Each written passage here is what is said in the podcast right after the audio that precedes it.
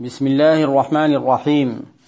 الدواوين الست لفضيلة مولانا وشيخنا شيخ الإسلام الشيخ إبراهيم ابن الحاج عبد الله الكولخي التجاني ورضي الله عنه. تقديم أبو عرك الشيخ عبد القادر النذير. التسجيل رقم تسعة وأربعين. تكملة ما كان في التسجيل الماضي من قصيدة جعلتك يا خير الأنام سفيرا وكل زمان قد أراك مجيرا. صفحة 62 من نسخة الديوان. قال رضي الله عنه فآليت لا أنفك أنسج مدحه وكنت لشرب العاشقين مديرا. فأسقيتهم نهلا وعلا وداده وبلهم دام الغافلين حقيرا. سكارى بلا اسم وغول فيا لهم صفى وقتهم والملك كان كبيرا. بمقعد صدق جالسين جليسهم مليك جموع المالكين قديرا. يسيرون سيرا في المجالس فعجبا لسير جلوس يشبهون صخورا. وقد رتعوا في تلك روض معارف تراهم سكوتا والمقام مشيرا. كلام قديم لا يمل سماعه يكون على الجمع القديم خمورا. خديمك هذا أسقه كل برهة وأحي به طول الزمان قبورا. خديمك ملكه الملوك وأمرها خديمك مخدوم الملوك أميرا مطاعا أمينا في العوالم كلها فيرشدهم نحو الإله بصيرا. رجائي وظني في الحبيب وحبه كبير ألقاه كبير كبيرا. بجاه عظيم الجاه أحمد سيدي ومن هاجروا أو من رآه نصيرا. عليه صلاة إذ يفض ختامها تفوح لمن قد كان منك عشيرا. أقول مستعينا بالله سبحانه وتعالى مستمدا من أبوابه رضي الله عنهم. قال الشيخ رضي الله عنه فآليت لا أنفك أنسج مدحه فآليت أي فأقسمت وحلفت لا أنفك أي لا أبرح وأدوم على نسج مديحه صلى الله عليه وعلى آله وصحبه وسلم. والحال أني كنت لشرب العاشقين مديرا. بهذا المدح الذي أنشده أدير شرب المحبة للعاشقين. مديرا لهم هذا الشرب المعنوي الروحي. الذي يأتيهم من خلال مديحي. فأسقيتهم نهلا وعلا وداده فأسقيتهم أسقيت المحبين والعاشقين وداده أي حبه صلى الله عليه وسلم نهلا وعلا يعني الكأس الأول والكأس الثاني أولا وأخيرا. أسقيتهم حبه بهذا المديح صلى الله عليه وسلم. وبلها مدام الغافلين حقيرا.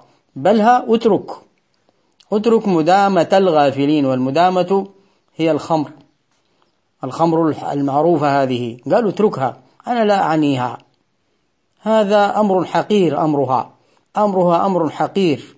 ولكنني أعني هذه الخمر المعنوية التي تصل العبد المؤمن بربه سبحانه وتعالى وتسكره في شأن آه، مولاه عز وجل.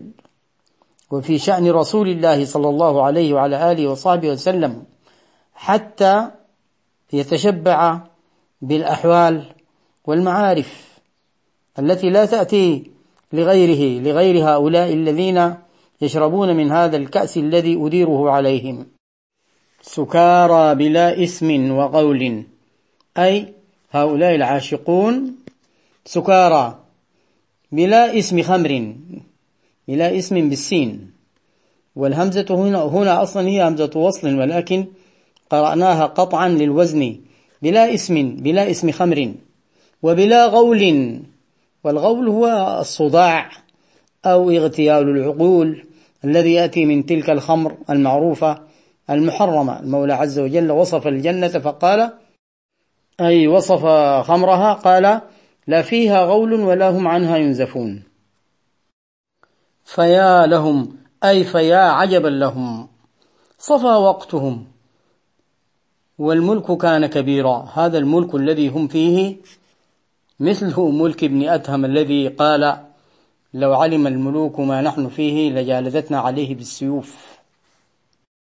كما قال الشيخ في هذا المعنى أيضا في بيت من أبيات الديوان وقل لملوك الأرض نامت عيونهم وهذاك ملك لا يباع بدرهم.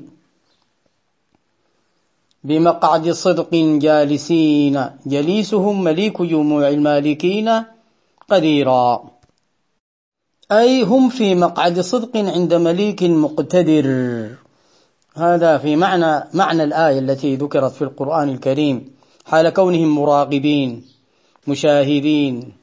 عارفين غارقين في مقام الإحسان. يسيرون سيرا في المجالس يسيرون بقلوبهم سير القلب. فاعجبا لسير جلوس يشبهون صخورا لا يتحركون ولا يتمايلون هم جلوس ولكنهم يسيرون يسيرون بأرواحهم وقلوبهم. وقد رتعوا في تلك روض معارف والحال أنهم قد رتعوا رعوا. وأكلوا وتنعموا في تلك الحال وفي تلك المجالس روض معارف لأنهم في رياض من رياض الجنة. وفي الحديث إذا مررتم برياض الجنة فارتعوا. قالوا وما رياض الجنة يا رسول الله؟ قال حلق الذكر.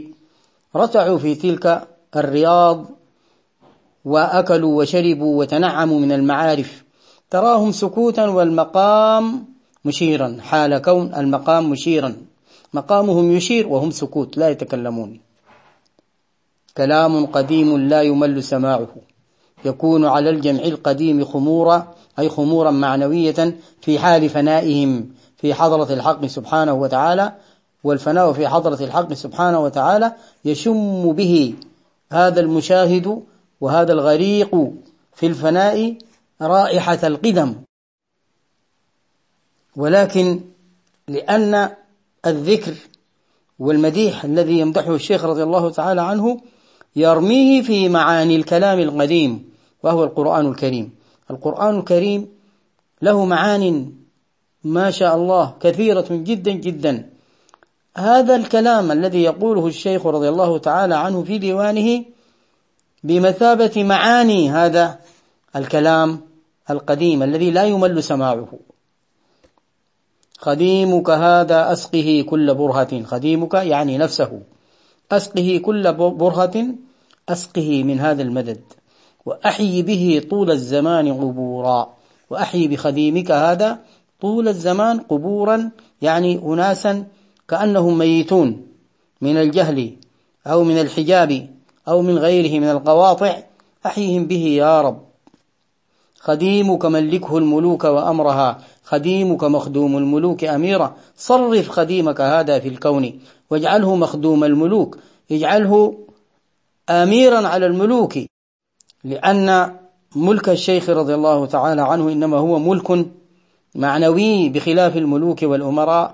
فملكهم ملك حسي زائل. مطاعا حال كوني مطاعا. أمينا في العوالم كلها. فيرشدهم نحو الإله بصيرة هذا الخديم وهو نفسه. وقد أرشدهم. رجائي وظني في الحبيب كبير. في الحبيب وحبه. في الحبيب صلى الله عليه وسلم وحبه وارثه. فضيلة مولانا الشيخ أحمد تجاني رضي الله تعالى عنه باب المدد للرسول صلى الله عليه وسلم. رجائي وظني في الحبيب وحبه كبير. رجائي كبير. ألقاه كبيرا. ألقاه يا كبير كبيرا. ألقاه يا كبير كبير المولى عز وجل. وألقاه الهاء مفعول ثان وكبيرا حال. بجاه عظيم الجاه أحمد سيدي. بجاه النبي صلى الله عليه وسلم ومن هاجروا من أصحابه أو من رآه نصيرا من الأنصار يعني. يعني توسل بالنبي صلى الله عليه وسلم وبالمهاجرين والأنصار. عليه صلاة إذ يفض ختامها حين يفض ختام هذه الصلاة تفوح ينتشر عبقها وعطرها وسناها ومعناها لمن قد كان منك عشيرا. وهم آله صلى الله عليه وعلى آله وصحبه وسلم وعشيرته. يعني الصلاة عليك وعلى آلك يا رسول الله. والله أعلم ونواصل إن شاء الله تعالى.